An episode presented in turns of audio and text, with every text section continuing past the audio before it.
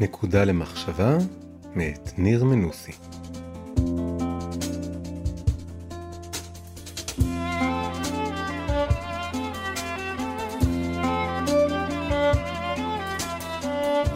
פרשת וישב, אומנות ההחזרה בתשובה.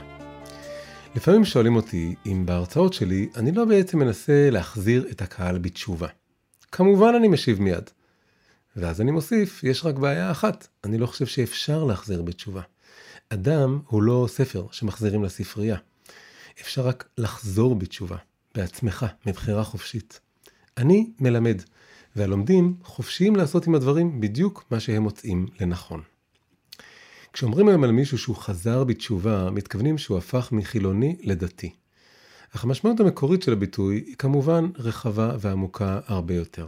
הוא מתאר תיקון עצמי ושיבה, שיבה לשורש שלנו, לקדוש ברוך הוא וגם לעצמיות הגבוהה שלנו. במובן הזה, תשובה היא התהליך הנפשי העמוק ביותר שישנו.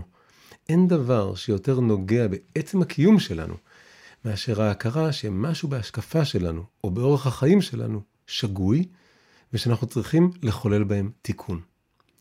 כתוצאה מהדבר הזה, בתשובה יש משהו פרדוקסלי. מצד אחד, היא חייבת להתעורר מבפנים. רק האפרוח יכול לבקע את הביצה שלו. למעשה, אם מישהו אחר ינסה לעשות זאת בשבילו, הוא עלול להרוס את ההתפתחות שלו. זה בדיוק מה שעושה, הרבה פעמים, תוכחה ישירה. היא מכווצת את האדם, והיא מרחיקה אותו מתשובה ותיקון אמיתיים. מצד שני, התשובה כרוכה בהכרה המאוד בלתי נעימה שכרגע אנחנו לא בסדר. בגלל הדבר הזה, יש בתוך כל אחד מאיתנו מנגנון נפשי שמגויס כולו רק כדי לגונן עלינו מפניה. המנגנון הזה יכול ללבוש צורה של הצטדקות ואהבה עצמית, לסלוח לעצמך על כל מה שאתה עשית לא בסדר. לחילופין, זה יכול ללבוש צורה של רגשות אשם והלקאה עצמית, לשנוא את עצמך על כל מה שעשית. אז זה לא משנה, כך או כך, התוצאה היא זהה. התוצאה היא התקבעות והתבצרות בצורת החיים המוכרת לנו. מהסיבה הזאת, יש איזשהו צד שתשובה דווקא חייבת סיוע מבחוץ, היא לא יכולה להתעורר מבפנים, רק עם עזרה מבחוץ. כדי שהאפרוח יתפתח בביצה, האימא שלו חייבת לדגור עליה. על זה אמרו חז"ל, אין חבוש מתיר עצמו מבית האסורים. ההשלכה של הפרדוקס הזה היא שהיכולת לעורר אדם לתשובה היא סוג של אומנות עדינה של הליכה על חבל דק. איך זה נראה? אז הנה בפרשה שלנו אנחנו זוכים להדגמה של רבת אומנים. תמר, כלתו של יהודה, שהאופן שבו היא הצליחה לעורר את החותן של היהודה לתשובה, שינה את פני ההיסטוריה. קודם כל נזכר בפרטי הסיפור. תמר נישאה לבנו הבכור של יהודה, אבל אחר כמה זמן הוא מת בשל חטאיו, והותיר אותה אלמנה בלי ילדים. בהתאם לחוקי הייבום המקראיים, התחתן איתה אחרי זה אחיו הצעיר ממנו. הבעיה היא שגם הוא חטא ומת. עכשיו, לפי אותו היגיון ואותו סדר, תמר אמורה להתחתן עם האח השלישי. אבל יהודה, אבא, שלא מכיר בחטאים של הבנים שלו, הוא לא מודע לזה שהם אנשים לא טובים, הוא פוחד שמא מי שאחראית למותם זה תמר, שהיא מין אלמנה שחורה כזאת שבגללה הם מתו. אז כדי לגנות זמן, יהודה מורה לתמר לחכות בבית אביה עד שהבן השלישי יגדל. הזמן חולף, ותמר רואה שהאח השלישי גדל, ויהודה לא מתכוון לחתן אותה איתו, הוא דוחה אותה בקש. אז היא רוקחת תוכנית נועזת, היא מתחפשת לזונה, היא מפתה את יהודה על אם הדרך. היא מדלגת על הבן השלישי, הולכת ישר למקור, ישר לאבא, מפתה את יהודה על אם הדרך.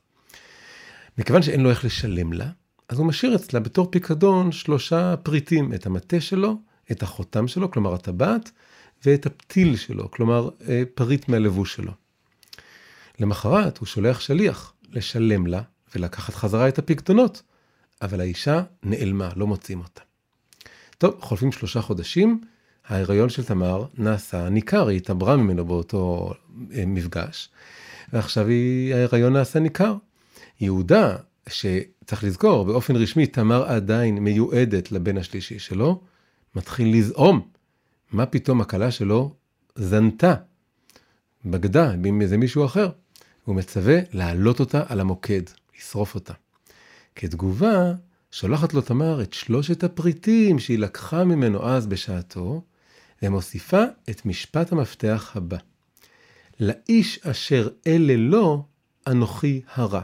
כלומר, למי שהדברים האלה שייכים לו, הוא האבא של ההיריון. הקרנה למי החותמת והפתילים והמטה האלה. שימו לב לאופן שבו תמר מתנסחת. היא הייתה יכולה להגיד משהו כמו, לך אנוכי הרע, והנה הוכחה לכך.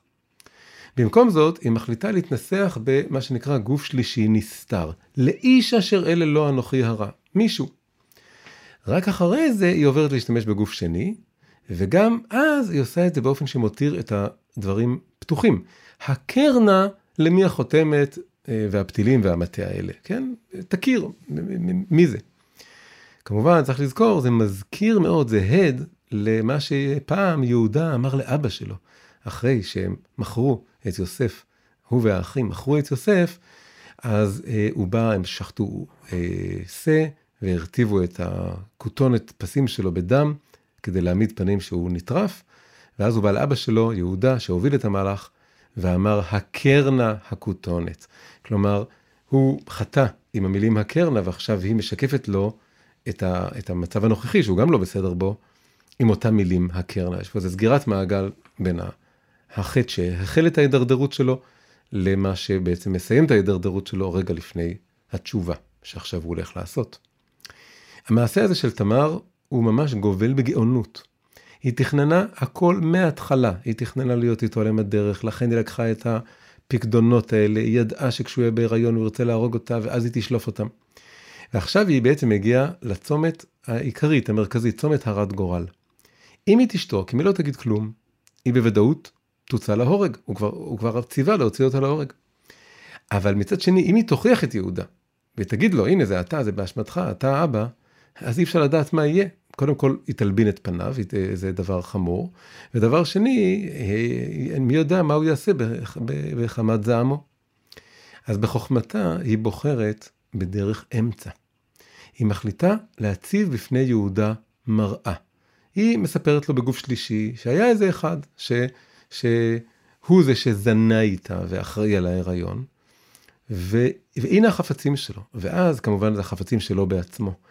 אבל היא נותנת לו את המרחב, את הספייס, להתבונן בחפצים, לקלוט שהוא בעצם האבא, שהוא עמד להוציא להורג אותה עם הילד שלו, בעצם ילדים, תאומים, יש לה בבטן, ממנו, וזה הכל בעצם באשמתו. היא, הוא, הוא אחראי על זה שהיא הייתה תקועה שם בבית של אבא שלה, בגלל שהוא לא חיתן לה את הבן השלישי, והיא הייתה בעצם בסדר, בתוך כל הדבר הזה הייתה בסדר.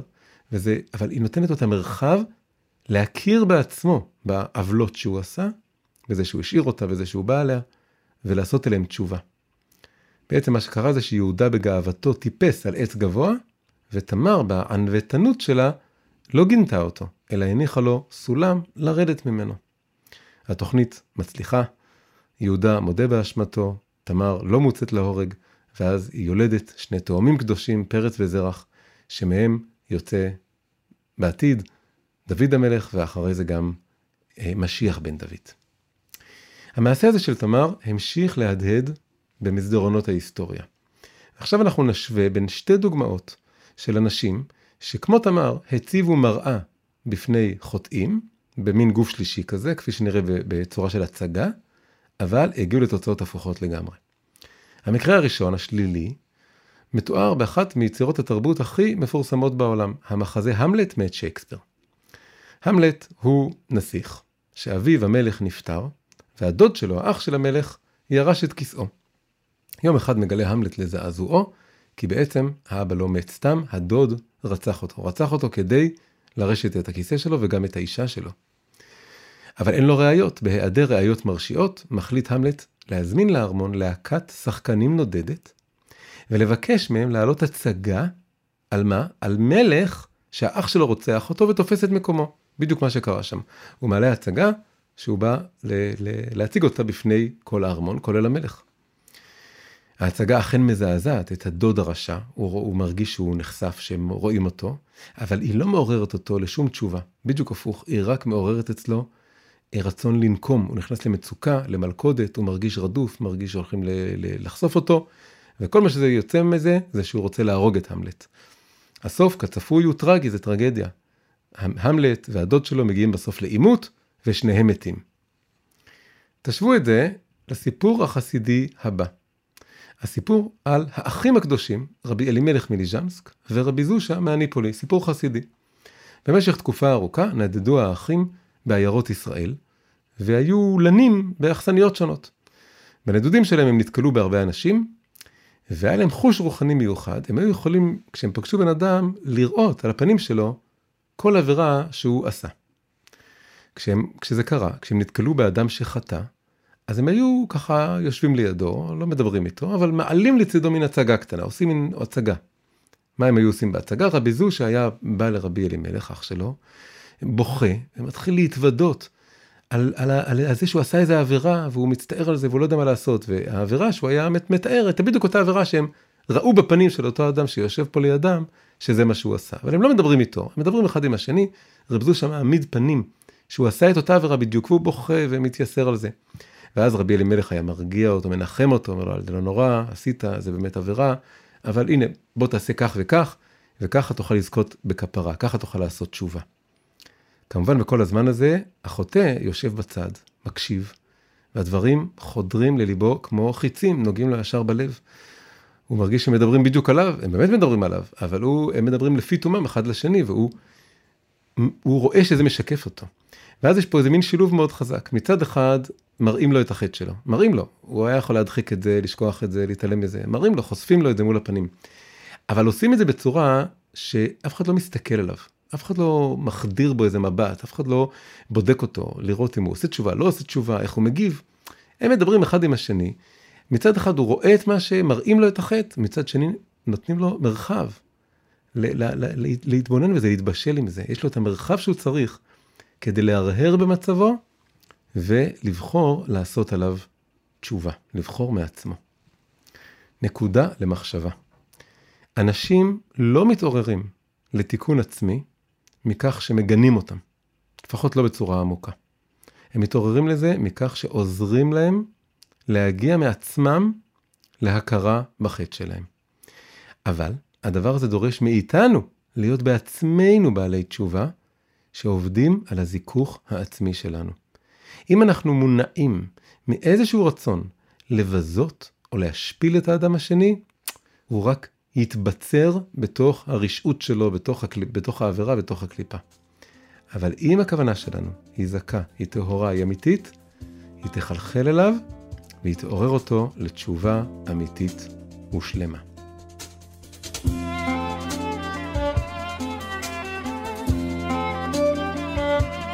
שלום, אם נהניתם מהפרק הזה, אשמח אם תעשו לו לייק וכן מנוי לערוץ.